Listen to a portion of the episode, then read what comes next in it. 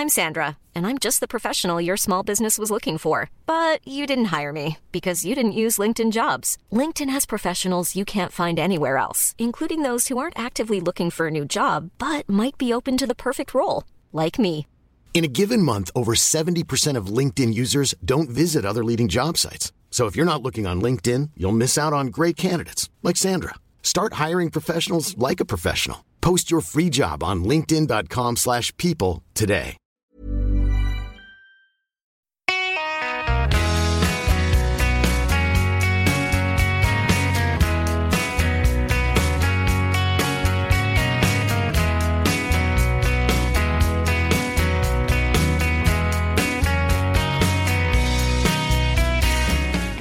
Hej hallå! Välkomna till detta då avsnitt 67 av Ingvarsson och Perssons podcast. Vad heter det nu? Sjätte sjunde?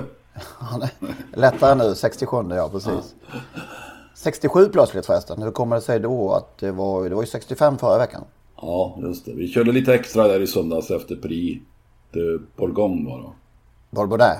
Bourbonnais, ja så var det mm. Gäller att hålla reda på B-loppen. Ja, just det. Eh, jo precis, vi provar oss, vi provar oss för här lite och ser om, om, om eh, kör något extra avsnitt någon gång då och då när vi tycker att det är värt att eh, komma med någonting. Eh, men nu är det ordinarie då. Vi ska säga det också kanske om, som vi tjatade om förra veckan, att om man vill eh, tycka att den här podden ska leva vidare så länge som det bara går så kan man numera supporta oss och eh, ja, stödja oss helt enkelt. Och Sponsra, ha, eh, sponsra. Och eh, då går man in på någonting som heter patreon.com. Det får du bokstavera. P-A-T-R-E-O-N.com.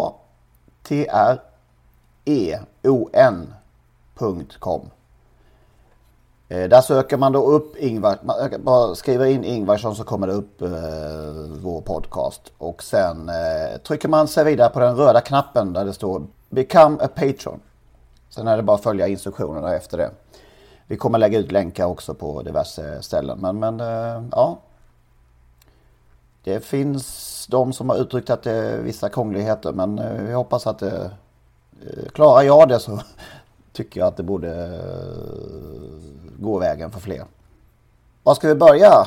Ja, du, är- du är programledare. Jag är programledare. Vi kör då kanske lite uppföljning på den här passgången som vi diskuterade i extra avsnittet i, Ja, just det. i söndags där. Det var i lördags. Lördags, lördags Ja, vi diskuterade i söndags, men det hände i lördags. Vad heter hästen nu då? Val, Valborg Marje. Just det. Jag var ju lite, jag var ju fortfarande lite osäker på när exakt den här passgången eh, sker. Men det är många som är säkra på sin sak. Vi gjorde en liten omröstning på Twitter där, Henrik. Ja, precis. 353 svar. 67 sa att det var rätt att diska. 14 sa nej. Och 19 procent, ja 14 procent sa nej, 19 procent osäker. Det innebär alltså att eh, 33 procent av de svarande tyckte det var fel eller var osäkra. Och det visar väl hur svårt det här är kanske. Ja, precis. Däremot har vi fått reda på att på Mahoney, kusken alltså, eh, var kar nog att säga att det var rätt. Just det. Och då, var, då är väl Coast Clays closed kanske. Case closed, ja. Is closed. Eh, svårt det case. Eh, ja, ja, ja, jag blir inte klok på det faktiskt. Men, men eh, jag är väl eh, beg- för begränsad i ämnet kanske, helt enkelt. det kan ju vara omröstningar påverkas ju också hur man kanske har spelat. Så kan det ju vara. Det var ju någon där som svarade att eh, han tyckte det var ett helt rätt domslut och visade upp en vinst, vinstbomb. det tror fan det. Jag såg ju det där loppet. Jag såg alla lopp lite flyktigt på en mobiltelefon i eh, en idrottshall på en handbollsmatch. Och tittade då när hästarna gick i mål i princip. Och åkte från handbollsmatchen i förvissning om att jag hade sju rätt. Ja, När jag kom hem så visade det sig att jag hade inte alls sju rätt. så du, du tyck- tyckte att det var ett fullkomligt feldomslut? Nej, En skandal? Ingen, nej, det tyckte jag inte. Jag hade ingen aning på vad som hade hänt men eh, Nej. sen när jag tittade på det så förstod jag att det kanske var Pasco. Men jag, Ja. det var lite sådär tycker jag. Men eh, som sagt, close cased. Jag kan ändå tycka att det här fallet är lite typiskt för travsporten. Att jag upplever det att det är lite ängsligt. Det är sällan som man uttrycker att, att man är osäker. Det är antingen svart eller vitt. Eh, det är lite som de här vinnarcirkelintervjuerna. Det är ju ofta påståenden som slängs fram. Men det är inga, man ska alltid visa att man kan innan, innan man eh, får svaret. Är du med vad jag menar? Ja, förstår. Ja. Därför måste jag än en gång hylla, lyfta fram Kristoffer Jakobsson på Åby där fölet som vågar ställa frågor och ibland dum, lite dumma också och relevanta. Och dessutom lyssna på svaren. Ja, just det. Det är bra. Det är inte alla som gör. Nej. De avbryter mitt i svaren för de vill, Ja, precis. vill själv påstå någonting. Ja. Ja, ja. Vi tänkte här och nu utse årets häst. Nej, kanske inte. Men vi tänkte prata lite om vad, vilka som kan tänkas bli. Ja, Hur många det... det vi inbillar oss att det är fyra va, som bara kan eh, nomineras. Ja, det har jag ingen aning om. Men vi behöver inte bry oss om nomineringar. Vi kan ju ta de vi tycker tillhör den kategorin som skulle kunna bli nominerad och till och med bli årets häst. Vilken ska vi börja med? Twister B. Ja. Han har vunnit lite lopp i år. 5 av 12, men han har sprungit in 9,6 miljoner. Å andra sidan så kom ju hälften av de där 9,6 miljonerna i VM-loppet på Rosette Raceway där han var totalt överlägsen i ganska skraltig omgivning får vi nog säga. Ja, det får vi säga. Sen vann han en Oslo Grand Prix. Det var ju väldigt imponerande. Å, Ja. å andra sidan. Jarlsberg International heter det så. Så vann han något lopp där i februari, Prix de la Marne, Marne, Marne på Vincennes. Han har en tung meritlista, Twister B. Varennsonen. Svårslagen kanske. Ja, de som röstar, det är ju publiken också som röstar och det är möjligt att Jerry Jordan inte, hans namn inte är eh, lika omhuldat som några av de andra tränarna. Vad säger vi då om, vi, kontrar då med Propulsion som då besegrade eh, Twisted B i Hugo Åbergs den tunga vägen får man väl säga. Eller i alla fall har gått i andra spår hela loppet på 08,1. Hur ska man värdera en sån i, i det totala? Ja, han är ju given eh, kandidat naturligtvis. Han har ju dessutom vunnit eh, Norrbottens stora pris heter det väl va? Ja, Och var tvåa i Elitloppet. precis. Ja, det är... Ja. 5, bara sprungit in lite mer än hälften av de pengarna som Twisty B har sprungit in. Men som sagt, det är ju det där 4 miljonersloppet, nästan 5 i USA då. Ja, hur ska man då värdera en sån? eh, Han är väl den snabbaste i Europa någonsin. Ja, och Propulsion är en publikfavorit. Lite så kanske det är. Han är nog folkets häst om man jämför med Twister B, det skulle jag tro. Och här är det ju eh, till eh, hälften folket som röstar också i, i just denna kategorin. Ja, du menar att journalisterna inte är folk? Just det. Ja. Eh, har vi något mer? Cyber Lane är ju given för mig. Såklart. Derbyvinnare och Han har 16 segrar på 19 starter hittills i livet. Eller, så. eller var det i år kanske till och med.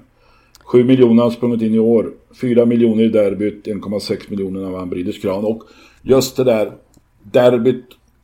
Det var ju enastående men kanske inte riktigt lika imponerande som när han vann eh, Breeders Crown-finalen. och Solvalla Grand Prix. Ja, Sola Grand Prix naturligtvis utvändigt och diamant. Just det. Eh, det brukar ju vara knepigt för yngre att bli årets häst va? Ja, det brukar Kan man vara. komma på någon? brukar vara gamlingar. Ina Scott kanske vann, blev väl årets häst som fyraåring kanske. ja, kanske det. Eh, William lär väl bli nominerad också kanske, eller? Ja, absolut. Hans imponerande kriterieseger väger tungt. Sex segrar på sju starter. Han är ju egentligen det enda loppet han har vunnit då. Han drog väl in 4 miljoner där då. Av sina 4 miljoner 155 000. Ja, tveksamt kanske ändå. Eh, du har en till vet jag. Ja men jag tycker Lionel ska nämnas i det här sammanhanget. Och det är lätt att glömma bort honom, norskägd. Eh, ibland norskkörd men han är trots allt tränad i Sverige och då finns ju möjligheten att han skulle kunna bli det Eh, han vann väl Åby Stora Pris eller något sånt där. va? Två i Oslo Grand Prix och hade en bra vinter utan att vinna på, på vänster. Han blir inte årets häst men jag tycker ändå han ska nämnas. Vem blir då årets häst? Vem skulle du rösta på? Nej, åh. Uff. Uh, eftersom jag satt på riddarsläktaren där såklart som vanligt så, och såg den här, det här loppet i Hugo Åbergs. Det känns svårt. Det var, det var lite av årets upplevelse. Jag säger Propulsion. Ja, Du då? Cyber Lane. Okej. Ska vi gå till årets tränare när vi ändå är igång? Ja, det gör vi tycker jag. Och där kanske det är lite svårare. Där är det rackarns eh, knev, kni, knivigt faktiskt. Eh, ska vi börja med, ja, Robert Berg är väl given va? Ja, som, kandidat. som Absolut. kandidat. Ja. Vad har vi mer? Daniel Redén hade ju ett makalöst eh, januari till augusti va? Mm. Och har ju sen i princip stått still i höst. ja, det har gått tungt. Eh, mycket sjukdomar igen i stallet och sådär tror jag. Så att han, han, det, det var ju nästan stängt ett tag. Så, men nu är de på gång igen nu. Men, det kan ju vara- bli, ligga honom lite i fatet att han har, det, det är alltid så här. Eh, ofta det senaste som minns, man minns bäst. Och då dyker Svante Båt upp. Ja, precis. Unghästkung här på, på, på, på höstkanten. Uppföljningslöpning och Breeders Crown. Breeders Crown och lite annat. Eh, ja, Jag hade ju... E3-vinster har han väl också under Ja, året. ja, kriteriet misslyckades väl han lite grann i alla fall. Men han har utan tvekan eh, är han en av dem som kandiderar här tycker jag. Och så Jerry Riordan då förstås. Just det. Med väldigt litet material. Eh, kört in mycket pengar. eh, Med stor hjälp såklart av Twister Bee. Men det finns ju flera. Ringo Starr Treb bland annat och, och eh, lite unghästar också. Men med lite material så har han ju verkligen fått sitt Alltså- genombrott i Sverige. Om det fanns någon bragdmedalj så kanske den hamnade hos Jerry Riordan. Så, så, som du säger med litet material når stora framgångar och är med hugger i loppen och säger Ringo Starr Treb som har vunnit flera storlopp och nu kvalar in till Prix d'Amérique i söndags. Precis. Eh, Johan Untersteiner, är han eh, med där också? Absolut, det är ju också en bragdstämpel som har klättrat oerhört snabbt upp i toppen. Ja. Och Han kanske blir årets tränare. Cyberline årets häst och Johan Unterstein årets tränare. Han har ju inte direkt några hästar i elitsammanhang och eh, sen är det väl eh, ja det är väl mycket Cyberlane helt enkelt som, som, eh, som är hans flaggskepp. Eh, Timo Nurmos, Ja, han behöver nämnas naturligtvis. Björn Goop kanske. Björn Goop lite i skymundan kört in eh, 25 miljoner. eller något. 5 miljoner Ja, faktiskt. Ja, vem blir det då?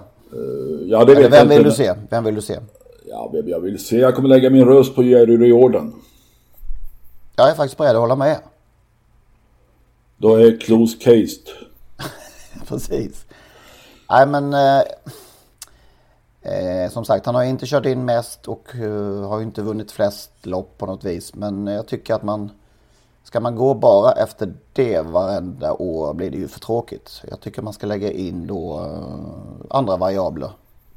Som då eh, ja, i hans fall hästmaterial och eh, lite känsla också kanske. Att, eh, det är ju faktiskt en bedrift på så litet material helt enkelt. Ja, det måste man ju säga utan tvekan. Alltså. Det... Ja, vi får se. Vi får svaret där i mitten på februari. Det är väl nu för tiden som, som galan går. Så det är långt kvar. En annan tränare i Sverige heter ju Jörgen Westholm. Och han eh, uttryckte på Twitter för ett tag sedan att han var oroad för eh, eh, framtiden kan man väl uttrycka det. Ja, hästbeståndet. Det, det är för många tävlingsdagar med för få hästar tycker Jörgen. Med all rätt. Och vi har ju sett det. Vi, till och med i gulddivisionen är det ju väldigt tunt nu för tiden. Det var åtta hästar anmälda i lördags påbud. Sju kom till start.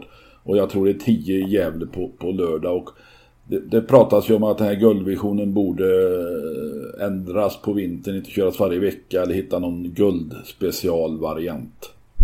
Precis, och det är ju, eh, vi ser i, under hösten har vi sett i södra Sverige eh, väldigt många lopp som inte har varit fullbesatta. På Jägersro i Halmstad har det varit fyra, fem hästar i en del lopp. Och, ja, det, det kanske är en befogad oro. Ja, och jag slog en signal till Jörgen och bad honom utveckla sina tankar kring detta. Ja, vi lyssnar. Nej, det har ju blivit så att vi, man börjar se nu att loppen blir väldigt dåligt med hästar i loppen och det tror jag är väldigt farligt för ATGs framtid. Alltså, vi kan ju jämföra med på 90-talet för att 6 000 hästar och nu är vi på 3 000 hästar. Övriga Europas avel har ju kraschat så att det finns ju inte så många hästar att eh, köpa in heller för att vara med och tävla i loppen. Alltså, vi måste ju dra ner antalet tävlingsdagar för att ja, det ska vara intressant för spelarna i framtiden. Halvfyllda lopp är inga som vill spela på. Italien och Tysklands problem var väl en utav, det började med att de fick för lite hästar i loppen, så var det inte intressant längre. Jag tycker vi måste ganska snabbt dra i handbromsen här. Är det så att du vill ha färre lopp, färre tävlingsdagar eller ska man rent av lägga ner banor? Nej, banor tycker inte jag man ska lägga ner. De banorna som håller kraven, det man behöver ha för en tävlingsbana, det kan man absolut få vara med och tävla. Alltså, men vi kan inte subventionera en massa banor för att kan man lösa det på eget vis och se till att allting fungerar ska givetvis alla tävla. Tävlingskostnader, jag frågade ST vad de låg emellan per tävlingsdag för att starta upp den. 120 var det billigaste alternativet och 400 kostar vissa banor. Så jag kan tippa att snittet kanske är upp på 200 000 kronor. Då vore det väl bättre kanske att ta undan 200 tävlingsdagar eller 100 tävlingsdagar på 20 miljoner till att tävla om och givetvis prispengarna de dagarna kan vi lägga och höja upp de andra. För eftersom nu det inte finns för 10 år sedan då var det ju 20-30 reserver i varenda lopp. Nu är det ju knappt reserver i ett enda lopp det är ett tydligt tecken på att vi tävlar för mycket och eftersom jag kommer från Romme och Rättviksregionen där vi alltid, och Bollnäs, där det alltid är mest anmält i alla loppen. När man inte börjar få fullt i de loppen, då måste varningsklockorna ringa ganska fort. Och när vi kör så pass mycket lopp, lördagkvällar, söndagmorgnar och alltihopa, de tävlingsdagarna går minus allihopa, ingen omsättning. De har jag fått för mig att vi kör bara för att vi ska slå omsättningsrekord år efter år, men det måste ju vara bättre att ha mer medel till de aktiva. Det är de tävlingsdagarna som du vill skära bort alltså? Ja, det tycker jag och eh, sen ska det alltid vara utrymme till att kunna dela lopp. Dela loppen, det tycker jag är så extremt viktigt. Det är svårt för sportchefen att skriva ut propositioner till exempel tre månader innan och känna av vad det är. Så har man alltid utrymme till att dela det lopp som det är mest anmälda i, då gör det att man tömmer ur de klasserna är det till exempel väldigt många som är intresserade av att starta högst 200 000 då, ja, och det blir 20 anmälda. Dela det istället så nästa gång kanske det är treåringarna som behöver delas alltså. Men... Man kan inte dela vilka lopp man vill idag alltså? Nej, det är ju företrädes unghästlopp man ska dela och sen får ju banorna lägga pengar till själva om de vill dela några högre klass, några öppna klasser vad jag förstår. Men det tycker jag att vi måste se till att kunna. Och framförallt ska vi inte dra ner på lopp och tävlingsdagarna. Det tror inte jag. Eftersom det kostar så mycket att starta en tävlingsdag. Och det är ju miljöaspekten också, att ju färre tävlingsdagar vi har desto bättre är det. Och sen arbetsmiljösituationen tror jag skulle vara mycket, mycket bättre för de som jobbar i stallarna och slippa åka på så extremt mycket travlopp som det inte finns förtjänstmöjligheter i jag har absolut ingenting emot breddlopp. Det är väl det folk kommer tycka nu när jag säger på det här viset. Men breddloppen ska vara kvar. Men de som är i breddloppen, de måste ta ett ansvar de också för de stora streckspelarna. Så jag tycker att det ska finnas en förtur. Om man har blivit tvångstruken i ett vanligt lopp ska man ha förtur i breddloppen. Så alla tar ansvar för sporten nu. Alltså jag tror att det är viktigt att vi har mycket hästar i loppen. Jag har sett att du har haft en annan synpunkt. Det är om treårstävlandet. Att sportcheferna har inte riktigt koll på när ni tränare vill tävla med era treåringar? Nej, jag tycker det vore väl helt naturligt att sportcheferna kanske i september, oktober, november, när de är två år, gör en förfrågan till tränarna. De kan säga ja nästa år kommer jag ha den och den som är startklar. april, augusti. Den kommer inte starta som trean för den är skadad. Mm. Så man får en liten fingervisning om när folk vill debutera sina hästar. Då kan ju sportcheferna jobba på det viset. Men det finns ingen sportchef, vad jag har förstått, som har kontaktat någon aktiv. Och eh, jag skulle gärna skicka in min träningslista och pricka i till exempel februari, april, maj så att man verkligen kunde se vad behöver vi loppen någonstans. Jag trodde det var sportchefernas uppgift. Jag skulle gärna vilja, det har blivit så flummigt det här ordet sportchef. Jag skulle vilja se arbetsinstruktionerna för sportcheferna så man verkligen såg vilka arbetsuppgifter är en sportchefs. Men kan sportcheferna påverka det idag? Det mesta styrs ju från ST. Ja, de har ju sportchefsmöten där de pratar om propositioner och olika saker, då måste man väl kunna ta upp det. Annars, det finns ju ett antal regionala sportchefer som skriver propositionerna i, det är väl en åtta, nio stycken. Då måste vi kunna sätta sig ner och fundera på vad gör vi som är bäst för de aktiva. Jag tycker att det känns som de aktiva är ganska viktiga för sportens överlevnad. Till sist Jörgen, det pratas ju mycket om gulddivisionen nu på vintern. Det är få hästar, det var åtta hästar anmälda i lördags. Spåby, sju kom till start, det är tio i Gävle. Vad ska man göra åt gulddivisionen under vinterhalvåret eller de här vintermånaderna? Bara köra den vidare och, och försöka nu få att det är flera gulddivisionshästar som kommer fram. Vi har ju haft lite dåligt med prispengar ett antal år så vi har ju sålt ut så många brons och silverdivisionshästar hela tiden. Det är ju det som har gjort att vi inte har så mycket gulddivisionshästar. Men drömmen för alla är väl att få en riktigt bra häst och när man väl får en bra häst så vill man väl att det ska finnas startmöjligheter för att förr i tiden så fanns det ju alltid, nästan när du började på trav i alla fall Lennart, så var det ju att sista, sista V5 var ju alltid snabbloppet. Det har vi ju inte längre, så vi har ju så jäkla få snabblopp nu alltså. Så att eh, jag tycker att vi måste ju absolut ha gulddivisionen kvar så det finns drömmen om att få en stjärna, då måste man ju absolut ha startmöjligheterna då också. Så var det inte så förr i tiden? Ja, så, det stämmer. Din uppfattning är att man inte ska rör ej vår gulddivision? Nej, det måste finnas kvar så att alla har drömmen och moroten om att jag vill ha en gulddivisionshäst och då måste det finnas startmöjligheter att en riktigt bra häst ska kunna tjäna fina pengar. Och det är väl lite olika. Frankrike lockar givetvis för vissa, men vissa vill också starta på vintern så att eh, nej, vi kan inte röra gulddivisionen. Det är väl det alla har som slutmål. Det spelar ingen roll vilken licenskategori man har. Alla drömmer väl att få en elithäst och då kan vi ju inte skrota drömmen i alla fall. Ja, just det. Ska vi ha färre tävlings... Ska vi lägga ner travbanor? Det tycker han inte. Ska vi ha färre tävlingsdagar? Det tycker han absolut för att många tävlingsdagar är väldigt dyra för banorna och för ja, travsporten då. Mm. Och då pratar vi de här, vad, ja vad hamnar vi? Lördagskvällar?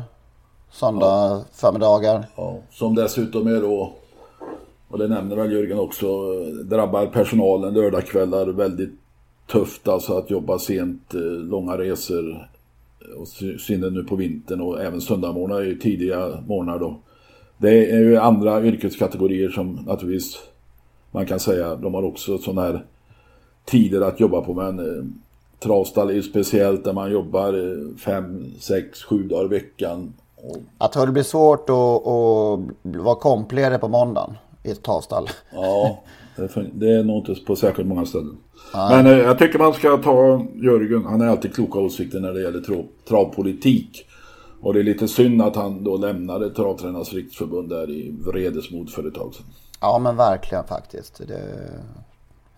Ja, jag tänk, om, ja. om Jörgen, du behövs. Ja. Lite så vill man nästan uttrycka det. Sen är han ju tydlig där med gulddivisionen som sagt. Och det, det får vi, jag tycker vi kan köpa hans argument där. Alltså har man fått en häst i gulddivisionen då ska det finnas tävlingar eh, varje lördag för de hästarna.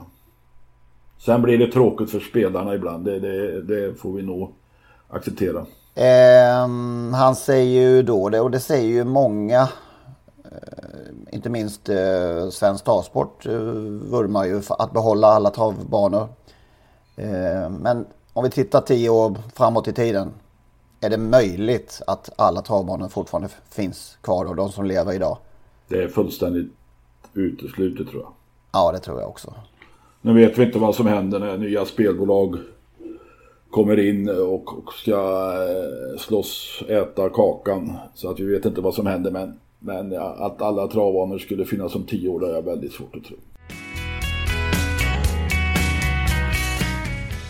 Apropå ST då och framtiden. Ja, precis. Så har vi ju nåtts för några veckor sedan av beskedet att Hans Ljungqvist efter åtta år som ordförande i svensk travsport väljer att dra sig tillbaka. Ja, jag uttryckte i söndags var det väl, eller var det förra veckan, att det var ett plötsligt lite plötsligt avslut. Men det, då hävdar du att det alltid är plötsliga avslut. Sen vet vi inte hur länge han har avstått eh, sin inre krets, så att säga, styrelsen. Det är möjligt att de har blivit informerade innan eh, Sulkesport var det väl avslöjade att Hans Ljungqvist ska sluta. Mm. Och, Vem ska efterträda nu då? Alltså, eh, jag tror, tycker Ljungqvist eh, gör det rätt. Eh, han har gjort eh, ett bra jobb eh, stabilt och har fått väldigt, väldigt mycket stryk under de här åtta åren. Ändå stått pall. Mm. Så att sen kan man ju då diskutera en del beslut. Men det är inte han som tar alla beslut. Det är ju styrelsen. Vad man nu behöver är då en tuff ordförande som är eh, lite teflonaktig sådär om man får säga så. Att eh, kritiken eh, rinner av, eller inte rinner av men man eh, eller den personen klarar att stå, stå pall i när det blåser. Sen ska det vara en företagsledare eh, naturligtvis som är, det kommer hända mycket nu men han ska sälja ut ATG. Tuff förhandlare. Så att det, det är många egenskaper. Och eh, har du hittat någon som har Nej dessa? men det alltså ingen kvinna har varit ordförande i ST. Nej. Och det finns en som, du vet vem som är vice ordförande? Mariana Alavikola. Ja, det där efternamnet har jag svårt för så därför lät jag dig. jag tänkte det. ja. Hon har ju varit vice ordförande och har man en vice ordförande så det är som att vara vicepresident tycker jag att man måste vara beredd då att eh, kliva in när ordföranden faller ifrån. Nu är det inte riktigt så utan Ljungqvist har aviserat sin avgång. Som Ingvar Carlsson en gång gjorde när uh, Olof Palme Ja, och vi har ju sett det presidenter i USA och så vidare. Mm. Vad sa du? Palme? Olof Palme sa du? Ja, ja precis. Eh, så att eh, eh, jag tror dessutom att Mariana har bäddat lite för detta. Hon eh, har ju ett framgångsrikt företag som hon har byggt upp på ett mycket skickligt sätt. Eh, och som hon har då varit vd i under många år. Men hon har tagit in sin son nu, Pekka Läderkorpi som vd som jobbade på juristbyrå i Helsingborg tror jag. Men nu har han klivit in i företaget och det tyder väl lite grann på att hon kanske funderar. Eller, hon peggar upp. Ja, peggar upp, ja just det. På att ta det här jobbet. Och ja. fakt, faktum är att eh, av de kandidater som är synliga som vi vet eh, finns eh, så tror jag att hon är det mest lämpliga namnet. Det finns ju några till här i styrelsen. Mats Norberg, en skicklig. Daniel Schützer, kommunalrådet i kommunstyrelsens ordförande kanske han är i Årjäng och så vidare. Men hon är det namn som, om man inte hittar någon utanför den här kretsen, så tror jag att valberedningen har ett ganska enkelt uppdrag, det är att övertala Mariana, om hon behöver övertalas. Besitter hon det här teflonaktiga som du... Ja, hon är...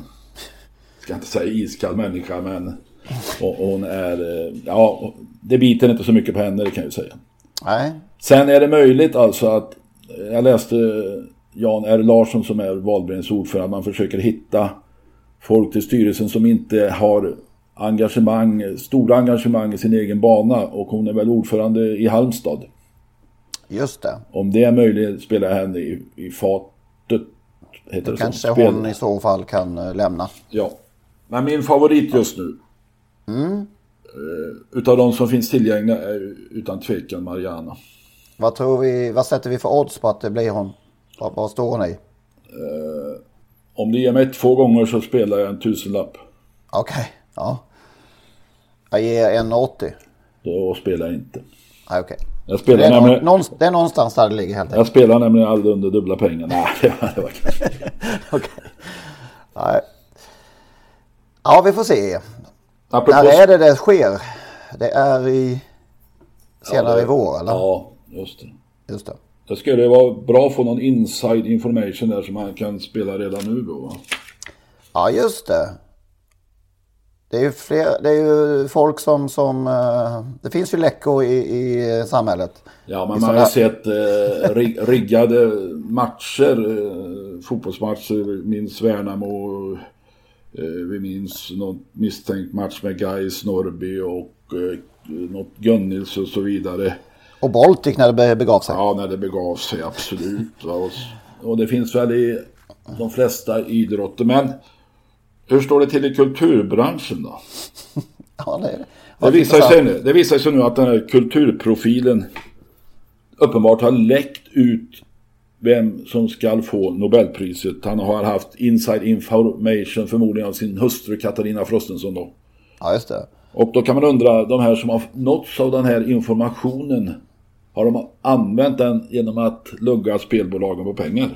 Ja, jag vet att ibland finns ju inte ens... Eh, ja, det kanske de gör, det ska jag inte säga. Men, men det, ibland känns det som att de som vinner är så långsökta så att de eh, inte ens finns med på någon oddslista. Men, och sen kan man tänka sig de här akademi, akademiledamöterna, Peter Englund, Horace Engdahl, ja, Kristina Lugn och så vidare. De har ju information. Är de, de kanske inte är intresserade av spel och dobbel.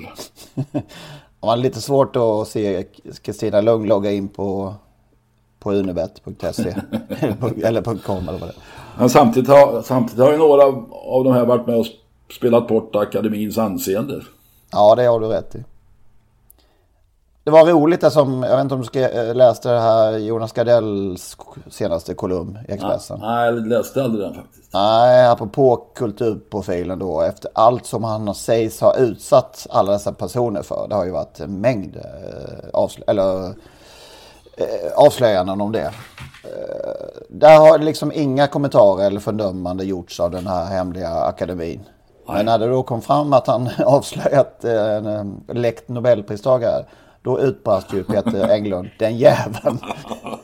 då var det, där gick gränsen liksom. Uppgjorda travlopp då? Ja. Ja, vad har vi? Ja, det finns ju säkert mängder genom åren. Tyvärr har vi inte fått vara med då. Va? Så vi, men eh, de är nog färre nu än förr i tiden. Men jag minns, eh, uppgjort och uppgjort, det vet jag inte. Vi var på en kuskmatch. Jag var med Axvalla kuskar i, jag tror det var Århus, där kör man i högervarv va? Ja, just det. Och Där vi är det. gjorde tillsammans en V5 och spelade den med Bosse Näslunds spik i sista med Therese Palema tror jag det var. Eh, och i loppet fanns även Conny Holmberg med en häst som heter Ingmund med. Vi var ensamma till sista avdelningen med Therese Palemas spik så allt var i hamn.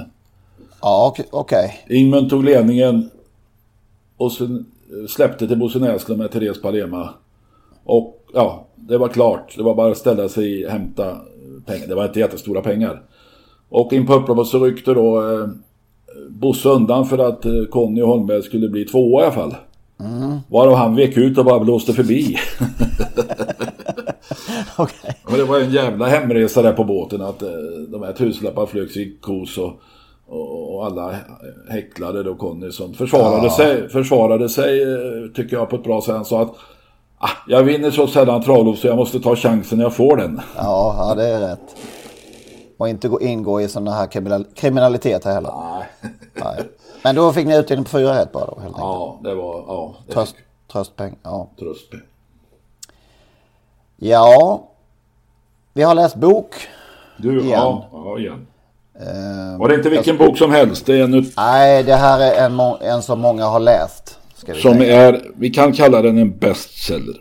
Av alla böcker som getts ut i travsporten så är den totalt överlägsen och jag skulle nog vilja säga av Zlatans bok kanske har sålt i fler exemplar men övriga idrottsmän, Wilander och allt vad de heter, de är inte i närheten av, av upplagan på just denna bok.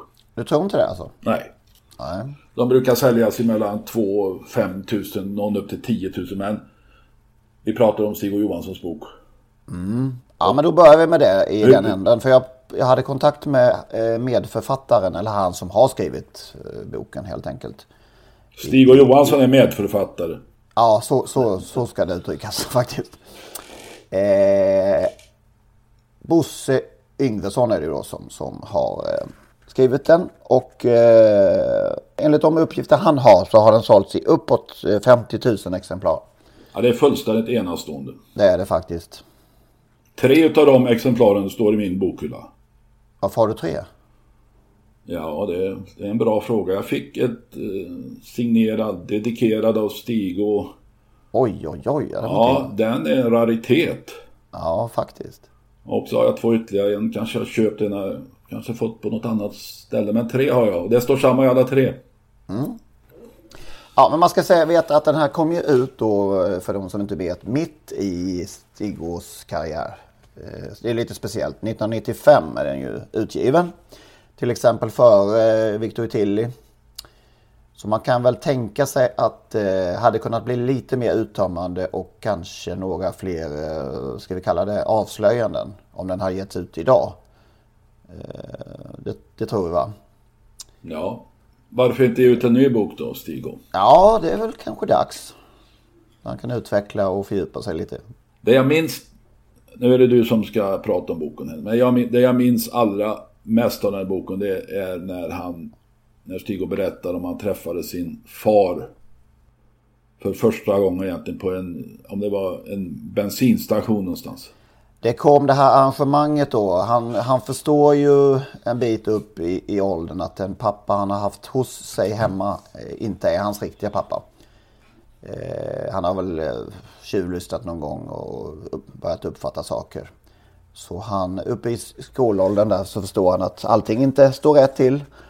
Eh, så han får reda på lite senare då att, att eh, det, han, har en, han har en annan pappa, riktig pappa. Eh, så då uppstår det här arrangemanget då som, som tioåring, ett möte. Ett bestämt möte vid en bensinstation med sin riktiga, riktiga pappa då. En som Stig uttrycker det pinsam stund som var över på blott ett par minuter. Så det var ju ett väldigt eh, styltigt och arrangerat eh, möte. Eh, ja, han beskriver väldigt mycket där i början också sin beundran för sin mamma. Han tidigt fick en inneboende känsla i att, som han uttrycker det, skaffa dig för allt, värde, allt i världen ett annat liv än det som mamma och pappa lever. Så han, förstod, han insåg tidigt att så här vill han inte ha det. Som levde väl fa ganska fattigt och, och, och med små resurser. Senare i livet fick han ju då väldigt god kontakt och nära kontakt med sin biologiska far. Precis. Eh, en annan episod som eh, är lite rörande är ju den här eh, som man upplever tidigt att eh, när han som sjuåring eh, smyger omkring på en byggarbetsplats i, i området där han bor och gubbarna där ger honom ett förtroende att åka och köpa fikabröd. Wienerbröd tror jag det är. Uh, in, han, ja, han cyklar in själv till Hudiksvall och fixar det här helt enkelt och, och får ju en enorm bekräftelse när han kommer tillbaka. Uh, och uh, han, han, ja, han minns det här som, som ett mycket viktigt steg på, på vägen där han kände sig bekräftad och fick ett självförtroende. Av en sån liten grej. Det är lite gulligt. Absolut. Mm. Sen beskriver han då de här sommarloven lite senare ja, upp i tonåren som där, där, de, där hästarna kommer in i bilden. Och det här, han, han är ju en blyg person Stig i, i sin ungdom och eh, med hästarna hittar han hem på något sätt. Och sen är det mycket, den är skriven i kronologisk ordning kan man nog säga. Det blir mycket av framgångar, motgångar och händelser och det tappet av Big Elma kanske är den första som som är riktigt... Eh... Som höll på att knäcka honom fullständigt faktiskt. Ja, precis. Han funderar till och med på att lägga av. Ja. Eh, Jack Rosengren beskriver han ägaren då som skavlade att det, det ska vara ittor i ja. kolumnen. Den excentriske skåning. Ja, just det. Vet, träffade du honom någon gång? Ja, oh ja, oh ja. Okej. Okay. Eh, den är ju... Ja, språket är bra och korrekt. Något torrt kanske. Det är väl en synpunkt man kan ha. Det är ingen, liksom inga direkt sceniska beskrivningar eller dofter och känslor på det sättet. Men det, ja, den är bra skriven. Och ett viktigt dokument. Verkligen. Och du har, eh, du, du har en speciell händelse ur den där boken som... Ja, jag tycker ju att det finns en uh, episod som är härligt romantisk på något sätt. Det är um, det här. Ett av våra segerlopp den hösten, gulddivisionsfinalen på Solvalla i november, har en alldeles speciell plats i mitt minne och i mitt hjärta. I historiens ljus framstår just det loppet som ett av de viktigaste någonsin för mig personligen, åtminstone känslomässigt. Det fanns en påtaglig laddning i luften den där råkalla novemberdagen. Queen L skulle för första gången möta Peace Corps. Endast två månader hade gått sedan Pisan lämnat mitt stall under så dramatiska och uppmärksammade former och jag hade dittills inte kört emot henne någon gång. Det låg följaktligen massor av prestige i potten. Det förstod alla utan att det behövde uttalas av någondera parten. Första prisets 300, kronor, 300 000 kronor kändes i sammanhanget totalt oväsentliga, i varje fall för min egen del.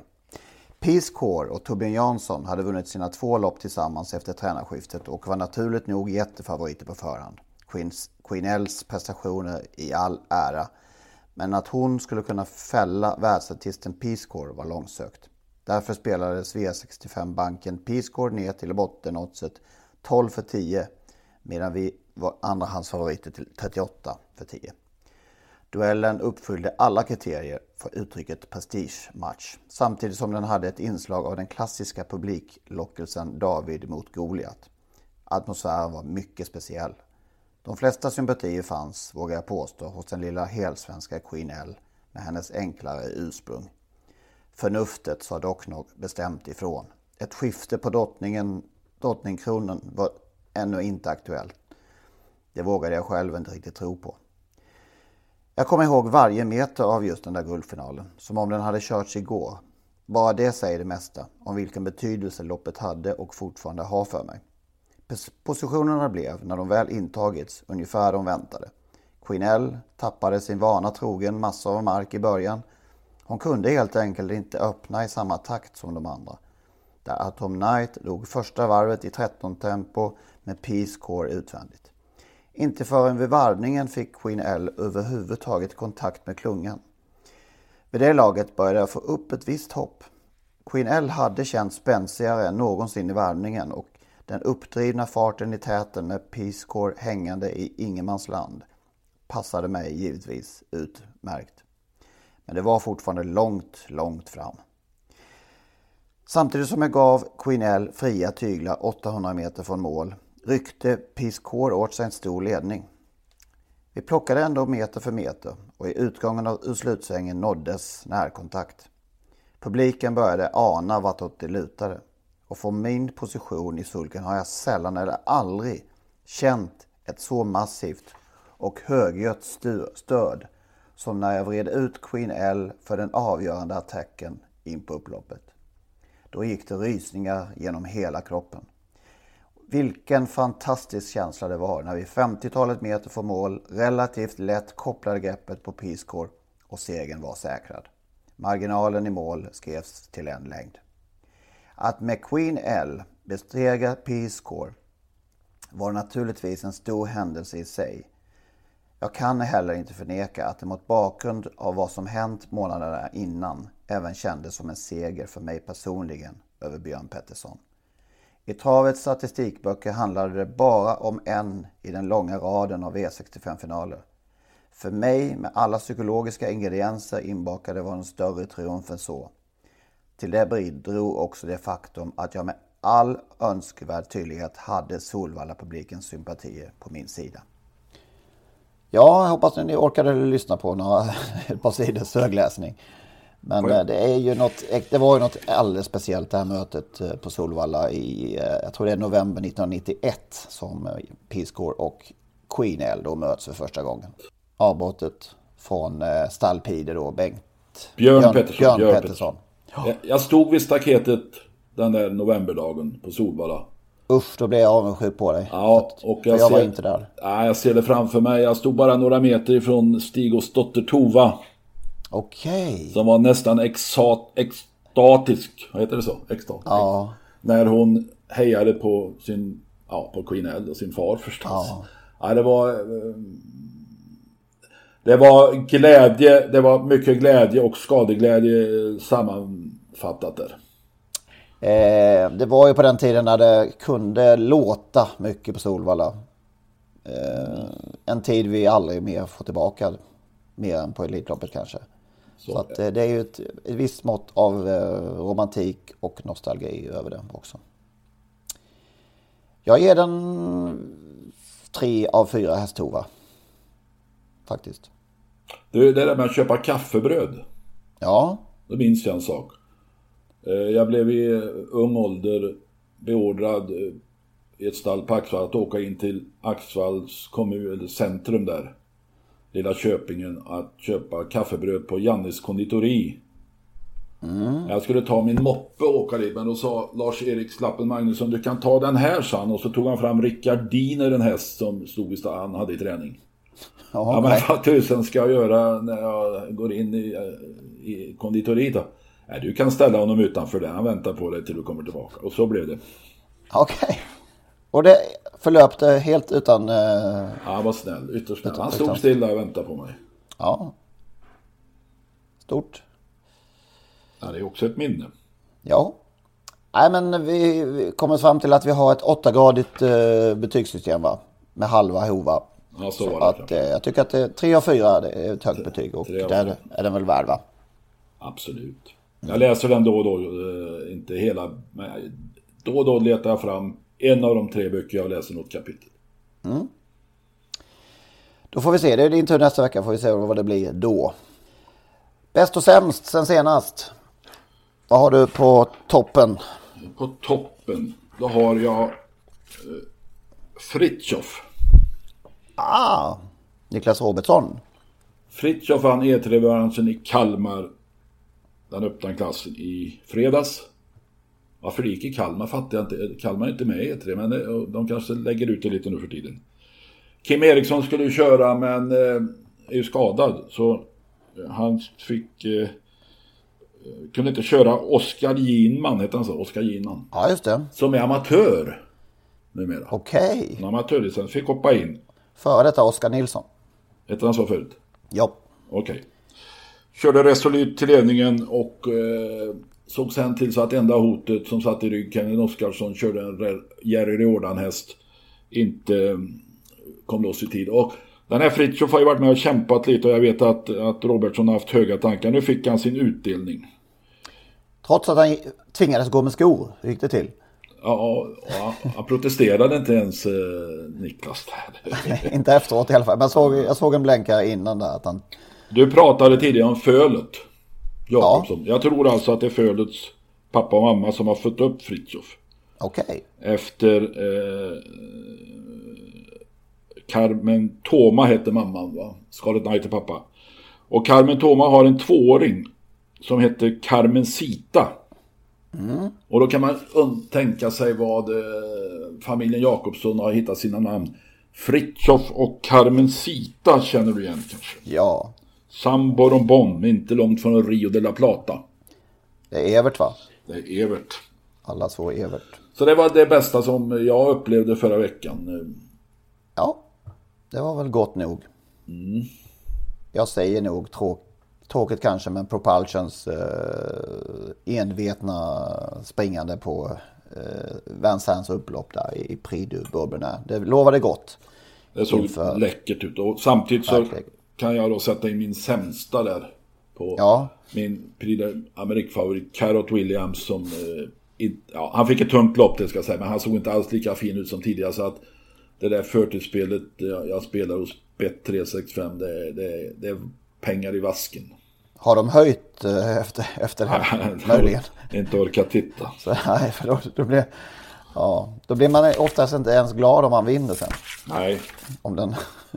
ja. Man kan ju säga i det loppet, vi pratar om Propulse och Karat Williams, att, att uh, vinnaren där, Bird Parker, var övertygande. Hur han klädde av Bold Eagle. Mm. Ditt sämsta? Ja, det var tv-produktion i det här jävla loppet. Jag vet inte om de har eh, gått... Eh, om det alltid ser ut så nu för tiden i, falska loppen. Men det är hopplösa kameravinklar tyckte jag att det var. Upploppet såg man ju liksom, det var ju via någon uh, rörlig kamera. Ja, Ja, det gillar jag inte alls. nej, Nej. okej. Eh, annars så har jag inget. Nej, Direkt. apropå Frankrike kan vi ju säga att det är ett par lopp på lördag där med svensk intresse. Då var det rejält eh, svenska anmält va? Ja, det är några stycken här och Jag var. vet inte vilka, det är väl inte klart vilka exakt som kommer med va? Nej, men jag hittade Pri Oscar Collard där Tobin Kronos är anmäld. Den danske derbyvinnaren Axel. Björn Goops Västerbo Hard Cash. Björn Goop också Super Nice. Västerbo Hard Cash är definitivt an- anmäld med David Toman. Super Nice, Erik Raffin. Dragster ska vara med, Dominik Lockenö. Och sen hittar jag faktiskt Malkin. Men om det är rätt Malkin, så står Jan Christian Wåhler som tränare, den norrmannen alltså. Det är tydligen då att de har sålt eller om den har flyttat från Robert Berg till en norsk tränare, jag vet inte. Men jag, i, i listan står entraînör Jan Christian Wåhler. Hur var det med Ryers Face där? Skulle inte han Ja, också? eh, nej han är, han är inte kvar i det loppet. Nej okej, då har han tagit bort den. Däremot så eh, har Collini i Prix Michel Toury Venkatesh som är startanmäld. Do- Dominique Lockenö. Björn Goop har Mona Sinverkot, Pierre Verkryss. Eh, och det är väl de sen har Beppe Amman, men man lär inte komma med. Westholm har Jetset som numera är i Westholms träning. Ja. Okej, har, de, har de gjort start hos Nej, jag tror inte det. Västern? Nej, spännande. Robban Berg har Geisa Sund. Så det är Ja. lite svensk intresse på lördag. Ja. Nu är vi långa som 17. Nu är folk trötta på oss då. Har du något mer att prata om? Jag tror inte det. Nej, då kan vi sluta. Vi stänger butiken så hörs vi om en vecka. Och glöm nu inte www.patreon.com. Nej, jag ska inte glömma det. Nej, det är bra. Ja, jag tänkte bara att vi skulle gå ut med det som också var det bästa från förra veckan. Eh, Olle Ljungströms nya album.